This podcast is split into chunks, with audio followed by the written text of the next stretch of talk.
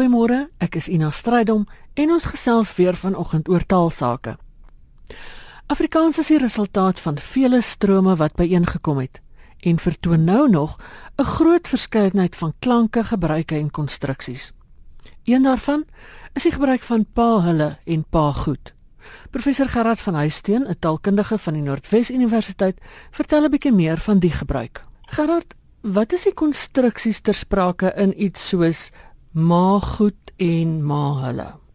Ina, net vinnig, so ons praat hier eintlik van vier verskillende konstruksies. Ons het die hulle konstruksie wat bekend is, pa hulle, en dit verwys eintlik na die groep waarvan pa deel is dan kry ons in die variëteite van Afrikaans en ook in standaard Afrikaans kry ons twee ander. Die een is sê nou maar is pa goed of Jakob goed wat presies eintlik ekwivalent is aan die hulle. So dit verwys na die groep waarvan pa of waarvan Jakob deel is.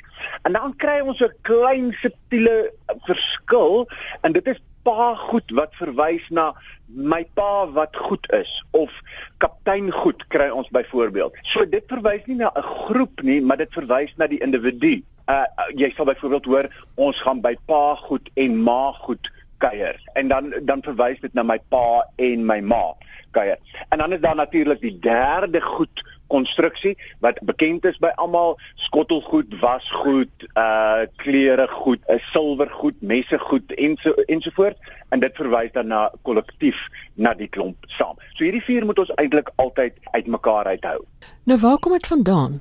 Ina, hierdie is seker een van die konstruksies in Afrikaans wat al die meeste beskryf is. Ek dink die eerste uh, stuk wat ek teëgekom het is kom hy al hier uit 1899 uit is daar al oor geskryf. Uh, ene de Tooi het hier in 1905 al 'n proefskrif daaroor gedoen. So daar is verskriklik baie navorsing al hier oor gedoen en selfs na al hierdie jare is daar nog in die taalkunde nie eensstemmigheid oor waar die konstruksies vandaan kom nie. Die voor die hand liggendste een is dat dit uit Khoi Afrikaans uitkom uh, want hulle het 'n soortgelyke konstruksie gehad uh, en ek gaan nou nie die sprekers van Khoi hier beledig deur te probeer om dit uit te spreek nie maar uh, dit was 'n suigklank wat gevolg is met 'n go en daai go het uiteindelik goed geword uh, want dit klink soos jy soos die Nederlandse goed geklink. So daar uit uit Koi en uit Nama uit is daar 'n teorie dat dit van daar afkom. Dan uh, hier in die jare 60 en so aan het ehm um, uh, van die uh, Afrikaanse taalkundiges professor Kempen en so aan uh, die standpunt gehuldig dat dit 'n uh, Friese konstruksie was. Ons kry uit Fries 'n uh, heitenjar wat beteken pa en hulle. Uh so dit is Fries en dan uit Maleis het Hans ten beste aangetoon dat in Maleis wat die uh, wat die slawe hoofsaaklik hier aan die Kaap gepraat het, ook 'n soort gelyke konstruksie gehad het dat daar uit van die slawe wat uit Wes-Afrika uitgekom het, ook 'n soort gelyke konstruksie was in Kreol, Portugees en so aan. So wat, wat ons dus uiteindelik sien is hier aan die einde van die 17de eeu sit ons met 'n klomp verskillende sprekers hier onder aan die Kaap, Khoi, Maleis, Nederlands ensovoorts en hulle het almal op hulle maniere 'n tipe konstruksie wat soos hierdie lyk. Uiteindelik klink dit ook uit die Khoi uit soos goed wat daai tyd goed bekend is in Nederlands en goed soos uh, erfgoed en lekker goed en so aan en word daai konstruksie dis eintlik uniek hier in Afrikaans gevorm. Want ons moet onthou dat uh, hierdie goed konstruksie en ook die hulle konstruksie soos 'n paar hulle kom glad nie in Nederlands voor nie So dis regtig iets wat uniek is aan Afrikaans en eintlik dus ontstaan het uit hierdie hotspot van tale wat aan die Kaap gepraat is aan die einde van die 17de eeu. Nou hoe lyk die verskynsel vandag? Ina met die toegang wat ons het tot uh geskrewe korpora, uh so groot versamelingsteks waarin 'n mens kan gaan soek. Uh my navorsing het ek bietjie baseer op die korpusse wat beskikbaar is by Viva wat so 85 miljoen woorde is waarna 'n mens kan gaan soek. Nou dis nie vreeslik groot nie, maar dit gee vir ons darm 'n uh, aanduiding van wat in geskrewe Afrikaans aangaan. So ek ek ek kan nie hier praat oor wat in gesproke Afrikaans aangaan nie, want ek het nie toegang tot data nie. Uh, maar ek het spesifiek gekyk na wat in geskrewe Afrikaans aangaan. Daar's 'n paar mites oor hierdie konstruksies wat 'n mens eintlik kon gaan bylê. Een daarvan is dat daar dikwels in die literatuur gepraat word van u hulle. Jy weet sê nou maar soos u hulle moet uh u hulle vergewis van u hulle se regte. Ja. Nou die kom glad nie voor in geskrewe teks nie. Ek kon een of twee daarvan op Facebook raakloop waar iemand verwyser gepraat het van u hulle. Uh, wat weer vir ons 'n aanduiding is dat dit iets is wat uh, dalk maar in gesproke taal voorkom, want ons weet dat Facebook taal is maar baie soos gesproke taal, so maar in geskrewe taal kry ons dit nie. 'n Ander interessante ene is dat daar in die literatuur dikwels verwys word na die verskynsel dat jy kan praat van die botas hulle sodat jy amper 'n dubbele meervoud het die botas en plus hulle. En dit kom ook nie in die data eintlik voor nie. Ons kry baie bota hulle het dit en dit en dit gedoen of jy weet in 'n groot trek van Rensburg hulle uh het kamp opgeslaan of uh, laar opgeslaan hier en daar en so aan maar jy kry nie die van Rensburgs hulle nie jy gaan ook eerder sê ons gaan môre aand by die van Rensburgs kuier, maar jy gaan nie sê ons gaan by die van Rensburgs hulle kuier nie. Dan is daar in baie van die literatuur sê mense dat die hulle konstruksie eintlik net in informele tekste voorkom. Nou dit blyk dat in moderne hedendaagse Afrikaans dit gewoon ook nie waar is nie. Ons kry dit gewoon in uh formele tekste ook. In 'n goeie aanduiding daarvan in die 1933 en 53 vertaling van die Bybel kry ons nie 'n enkele voorbeeld van hulle nie. Maar in die 1983 vertaling is daar 36 gevalle van die hulle konstruksie. So jy sal byvoorbeeld kry uh Moses hulle en Petrus hulle en so aan. So dit gee vir ons 'n aanduiding dat hierdie goed uh dat die hulle konstruksie al meer en meer informele tekste voorkom.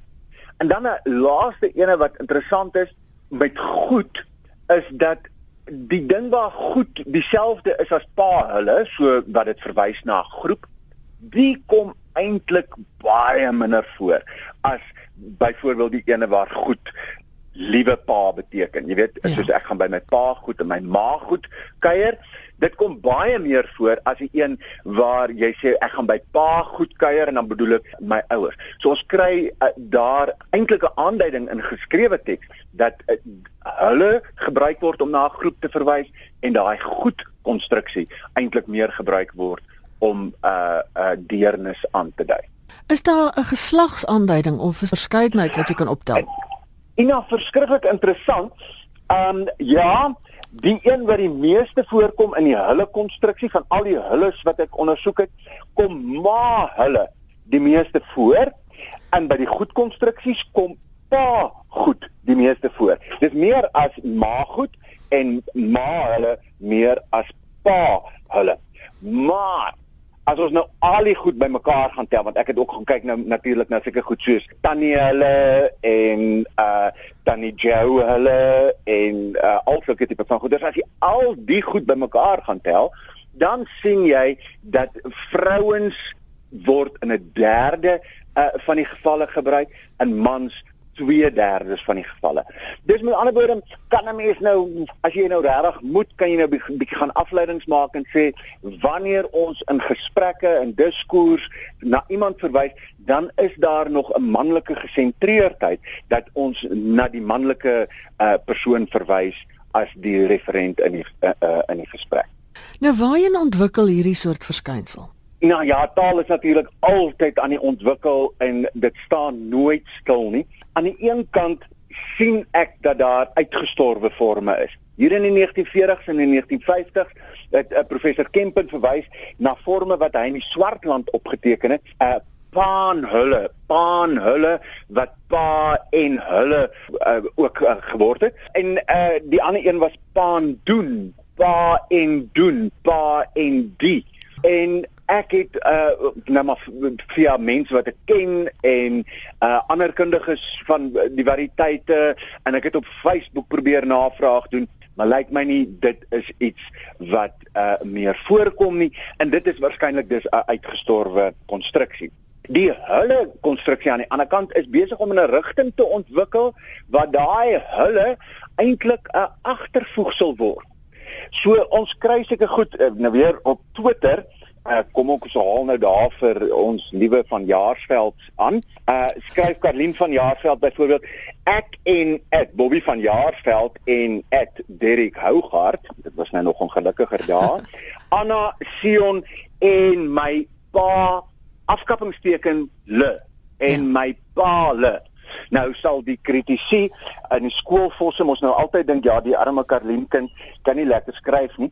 Maar dit sien ons in baie ander tekste, nie net op Facebook nie, maar ook selfs in fiksietekste. Dat daar gepraat word van kanale en my paale en my male en so aan. Uh, en ons kan voorspel dat daai le oor 100 jaar van nou af. As jy o nee wag jy gaan nou uh, oor 100 jaar onderhoud voer met iemand nie hoop ek uh, Ina. Ek hoop ook uh, as daar oor 100 jaar weer 'n onderhoud gevoer moet word dan kan ek nou vir jou voorspel ons gaan dan daai le sien Ehm um, die laaste ding dalk in die rigting van die ontwikkeling die hulle konstruksie kom baie meer voor as die goed konstruksie. Maar by die taalkommissie het ons byvoorbeeld gesien dat hierdie goed konstruksie ook in formele standaard Afrikaans voorkom. En daarom vir die eerste keer in die nuwe Afrikaanse woordelys en spelreëls wat in Augustus gaan verskyn, gee ons ook erkenning aan hierdie goed konstruksie naas die hulle konstruksie En ons sê dat uh, wanneer jy hulle gebruik, word dit altyd met 'n koppelteken geskryf. So dis pa koppelteken hulle. En as jy goed gebruik, dan kan jy dit of met 'n koppelteken skryf of sonder 'n koppelteken vas. So ja. pa koppelteken goed of pa goed aan een geskryf. En op hierdie manier gee ons dus ook uiteindelik erkenning aan hierdie konstruksie wat toenemend ook in standaard Afrikaans voorkom. Ek wil net gou teruggaan na die pa hulle toe vir solank as wat ek kan onthou praat ons van wanneer kom Paul hiernatoe die die Ja, uh, en en jy weet die spraak uh, gesproke taal loop altyd die geskrewe taal vooruit. Uh dit is uh, en en dit begin jy dan ook uiteindelik sien in geskrewe taal. Uh en dit is 'n uh, totale natuurlike ontwikkeling wat besig is om plaas te vind. Ons sien dieselfde ding uh het prof Jacques Conradie van die Universiteit van Johannesburg al aangetoon met betrekking tot het. Ja. Ja. As jy in Afrikaans uh praat, dan sê min mense hy het gister by my kom eet. Nee, jy sê hy het gister by my kom eet. Uh en ons kan ook dus voorspel dat daai het uiteindelik 'n uh, suffix sal word. Uh maar net soos die Engelse, jy weet die Engelse uh ed wat agteraan die ver, verlede tyd uh, gesit word, was ooit ook 'n afhanklike woord. Dit, jy weet. Ja, ja. Ehm um, en en so sien ons ook dat hierdie het besig is in in in Afrikaans om dieselfde paadjie te loop. Dit net oor die nuwe AWS is hy al by die drukker? Hy is nog nie by die drukker nie. Ina, ons sit vreeslik in werk nagte om en so aan, maar dit is vreeslik lekker om daar aan te werk. Hy uh, is natuurlik jare se se harde werk en so aan. So dit bly lekker. Uh maar hy gaan middel Mei gaan hy drukker toe en dan behoort hy hierso teen einde Julie se kant behoort hy op die rakke te wees en die 3de Augustus het ons 'n groot partytjie om uh die 100-jarige uitgawe van die AWS bekend te stel. Dit was die taalkundige professor Gerard van Huisteen van die NWU. En nou beantwoord die taalpraktisyn Tomme Klaglin 'n vraag oor 'n op die oog af vreemde gebruik. Tom ons het 'n navraag gehad van of ek het 'n navraag gehad van 'n luisteraar Arifner Plaas en hy wil weet hoekom word daar in die verlede tyd gepraat van omgeskep en nie net omskep nie. Wat is die kwessie hier? Ja, you know, dit is nog 'n interessante ding. Ehm um, ek omdat die luisteraar nou uh dit geskryf het, kan ek nou nie hoor hoe sy uitspraak is nie, maar ek is feitelik seker dat as dit 'n moedertaalspreker is, dan sal hy van nature gesê het ek het die eiers omgeskep of ek omskep die eiers ek skep die eiers om so iets jy weet. Ja.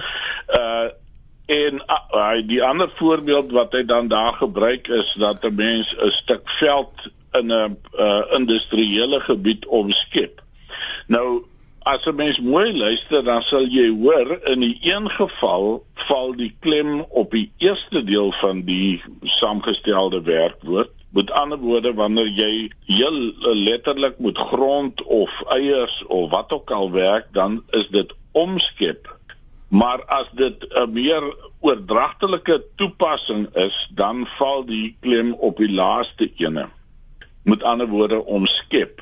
So hier is dit uit en uit die klankpatroon waar die hoofklem van die woord val wat bepaal of jy gaan sê mettige die verlede tyd mettige gaan sê of nie. Nou ek het 'n bietjie uh, gekyk in van die van die bronne. Nederlands maak ook 'n onderskeid tussen twee werkwoorde omskeppen. Die ene wat dan ooreenkom met ons omskep en die ander een wat ooreenkom met ons omskep. As jy nou die verskil in klank kan hoor, want dit is uit en uit die waar die hoofklem lê wat bepaal wat hier gebeur. Nou ek het 'n bietjie gaan kyk in van die ouer bronne sal mense sien dat daar aanvanklik in Afrikaans net gesê is omgeskep. Ehm um, dit is byvoorbeeld die eerste keer wat hy in 'n in 'n Afrikaanse woordelys se spelreëls voorgekom het was in 1953 en daar was die enigste verlede tyd wat aangegee is om geskep. Maar in 1964, dis 11 jaar later, het hulle al twee verlede tydsforme erken. Met ander woorde, jy kan of sê om ek het, het omskep of dit is omgeskep. Nou uh hierdie klemverskil. Ehm uh, met ander woorde wanneer jy die die klem op so werkwoord wat lyk asof hy uit meer as een deel saamgestel is. Jy het nou die deeltjies soos om vooraan en dan die hoofwerkwoorddeel skep. As jy so 'n soort werkwoord kry, dan bepaal die klem altyd of jy 'n g gaan sê of nie. Nou daar is 'n hele klomp van hulle in Afrikaans. Uh as jy die klem op die eerste deel sit, dan kry jy wel 'n g en as die klem op die tweede deel kom, dan kry jy nie 'n g nie. Dink nou maar net byvoorbeeld iets uh jy sal sê iets moet voorkom, nie agter nie. Ja. Dan is het jy dan sal jy sê hierdie item op die lys het voorgekom nie agter nie. Maar as jy sê jy moet voorkom dat dit of dat gebeur, dan is die verlede tyd sonder die ge. Hy het voorkom dat die ekonomie in duie stort of wat ook al en daar's 'n hele klomp ander sulke soortgelyke goed. Uh een wat uh miskien nie so algemeen bekend is nie is aanvaar. Uh dit is nou min of meer 'n seevaartterm. Jy sal byvoorbeeld kan sê een skip het teen 'n ander aangevaar. Maar as jy sê ek aanvaar jou uitspraak of die stelling, dan val die klem op die tweede deel en dan kry jy nie 'n ge nie. Nog ene wat wat 'n mens miskien kan noem is iets soos oor plus weeg. As jy in die ou dae suiker of as jy nou nog suiker moet afweeg vir 'n resep of 'n ding in die kombuis, dan sal jy sê ek het 'n fout gemaak, ek moet dit oorweeg. Met ander woorde opnuut weer weeg. Maar as jy sê oorweeg hierdie stelling van my, dan is die verlede tyd sonder ge. En daar's 'n klomp van hulle oortree, onderhou, uh onderdruk en 'n hele boel van hulle. So die luisteraar wat die vraag gevra het, uh, het heeltemal gelyk dat daar twee moontlikhede is. En dit is net dat jy kan sê om geskep en dit is gewoonlik uh min of meer uh letterlike betekenis. Uh en dan kan jy ook in ander omstandighede sê het omskep. En dit is meestal nie so letterlike betekenis nie. Het 'n bietjie meer uh oordragtelike waarde. So albei forme is korrek, albei forme kom voor en daar is 'n hele klomp werkwoorde in Afrikaans wat op daardie patroon werk. Dit was die taalpraktisyn Tomme Klaglin. daarmee is dit tyd om te groet en van my Ina Strydom mooi loop tot 'n volgende keer